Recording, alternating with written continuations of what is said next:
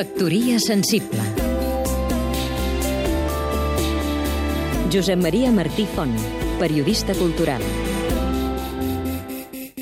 Un vell dia d'agost de 1913, així comença amb precisió meteorològica L'home sense tributs, de l'escriptor austríac Robert Musil, una de les novel·les més enciclopèdiques del segle XX, profètica en tant que analitza i anticipa el món que encara ens és indesxifrable un segle després. Musil considerava que la literatura era essencialment una forma de coneixement i exploració de la realitat. Els dos primers volums d'aquest llibre inacabat van aparèixer successivament el 1930 i 1932. El segon va coincidir amb l'arribada de Hitler al poder. Musil, que era a Berlín en aquell moment, va tornar de seguida a Viena i després va emigrar a Suïssa on va viure amb la misèria fins a la seva mort el 1942. En 1938 els nazis van incloure els seus llibres a la llista d'obres indesitjables i nocives i les van prohibir a Alemanya.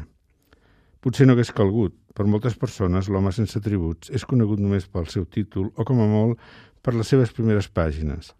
I en la secció de l'Ulisses de James Joyce hi ha poques obres de la literatura universal que pateixin de forma tan extrema la patologia d'existir entre l'aspiració a acabar de llegir-lo i la seva lectura real.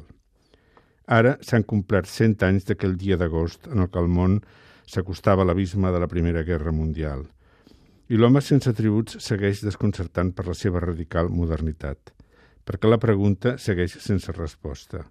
Abans que es publiqués el primer volum, en una entrevista amb el crític Òscar Mauros Fontana, Musil va explicar-li que estava treballant en una novel·la que el seu protagonista era un personatge que no sortia de la seva sorpresa veient com la realitat s'havia quedat almenys 100 anys darrere de les seves idees.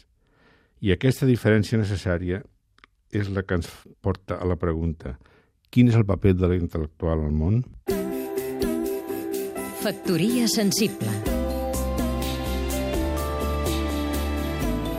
Seguim-nos també a catradio.cat